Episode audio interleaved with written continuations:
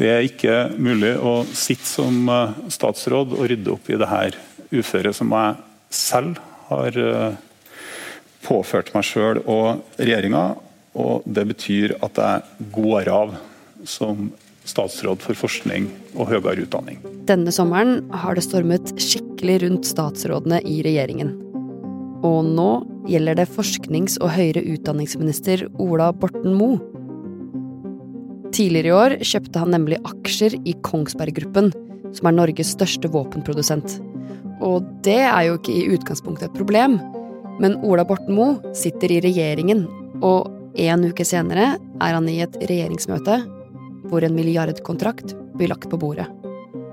En kontrakt som den samme Kongsberg Gruppen skal tjene mye på. Du hører på Kort forklart fra Aftenposten, og her får du en rask forståelse av hvorfor dette er et stort problem for Ola Borten Moe og regjeringen. Det er fredag 21. juli, og jeg heter Jenny Føland. Torbjørn Røe Isaksen, du er samfunnsredaktør i E24, som avslørte den saken her i dag. Kan du bare ta oss gjennom helt fra toppen. Hva har Ola Borten Moe gjort? Det enkle utgangspunktet er at Ola Borten Moe har hatt eh, penger, eh, og de har han brukt på å kjøpe aksjer i tre norske selskaper, blant annet 900 000 på å kjøpe aksjer i to omganger i Kongsberg Gruppen, og så har han også kjøpt aksjer i Yara og i Sparebank Midt-Norge. Og hva er det som er problemet med det?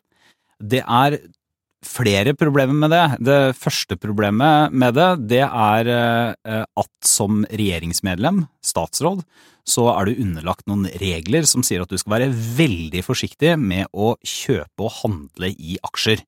Eh, og her er det jo to selskaper, blant annet Kongsberg Gruppen eh, og Yara, som er delvis statseide, statskontrollerte, og da burde man være ekstra, ekstra forsiktig.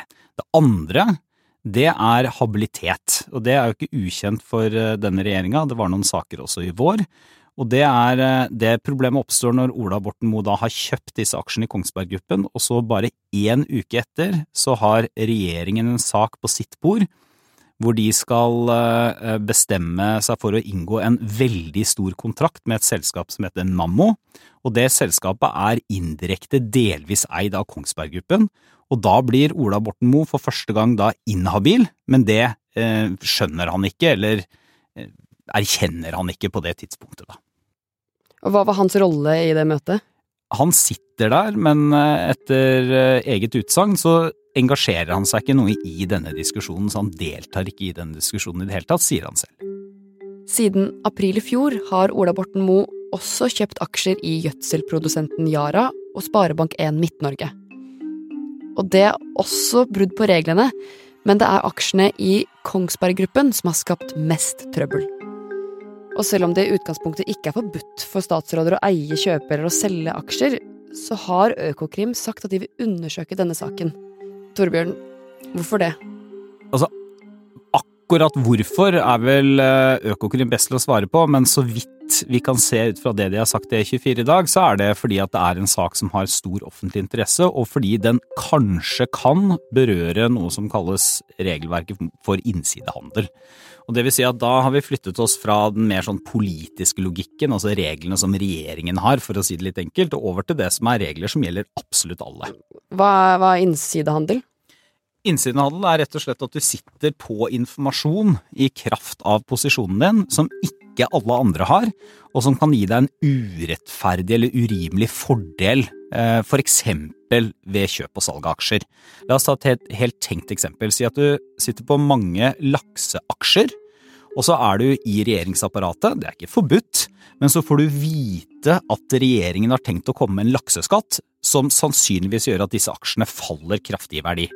Hvis du da selger dem to uker før regjeringen annonserer skatten, det er strengt forbudt, eh, og det er, eh, det er, det som eventuelt da kanskje muligens eh, Økokrim vil se etter.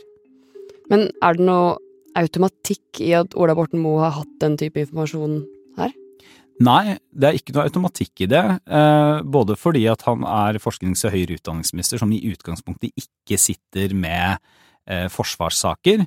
Men så er det jo også sånn at han sitter i regjeringen og får da sendt sakene fra andre departementer før de skal ha regjeringskonferanser. Men hvis du husker kronologien her, så var det sånn at han kjøpte aksjene én uke før eh, denne regjeringskonferansen, mens han da etter eget utsagn fikk dette regjeringsnotatet bare én dag før.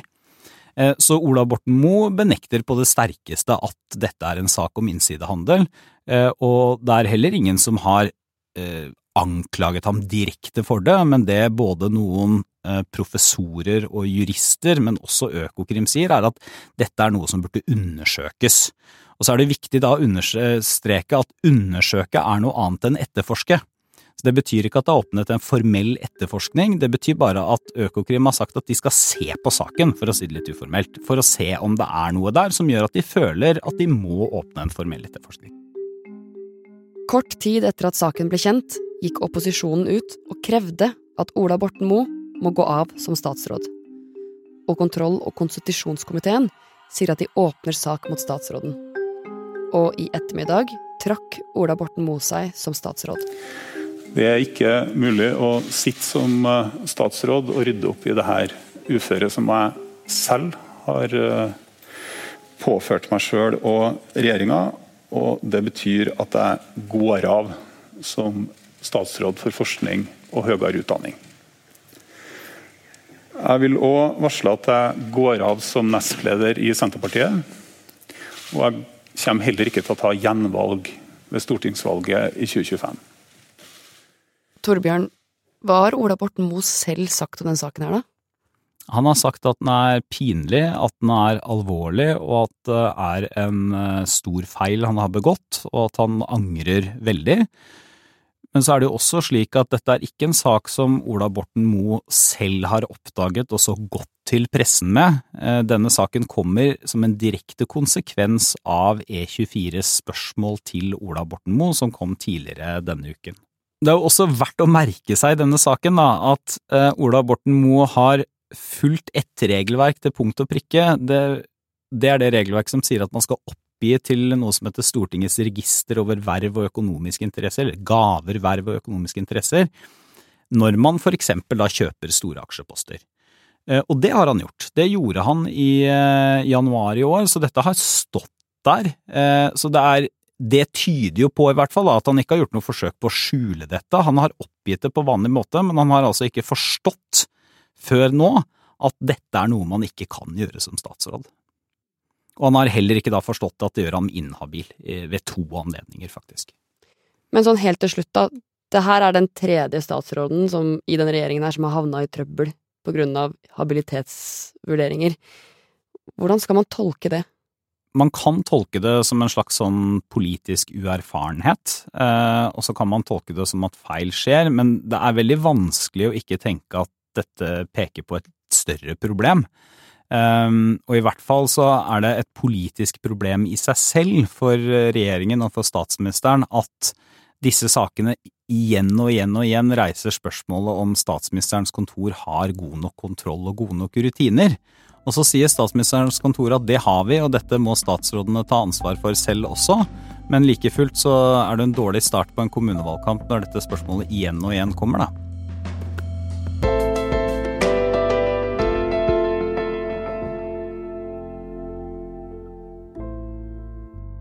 Dette var Kort forklart, en podkast fra Aftenposten.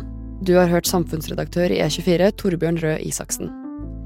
Og denne episoden er laget av Anders Weberg og meg, Jenny Førland. Du har hørt lyd fra VGTV. For ordens skyld, Torbjørn Røe Isaksen er tidligere Høyre-politiker og har hatt flere ministerposter i tidligere regjeringer.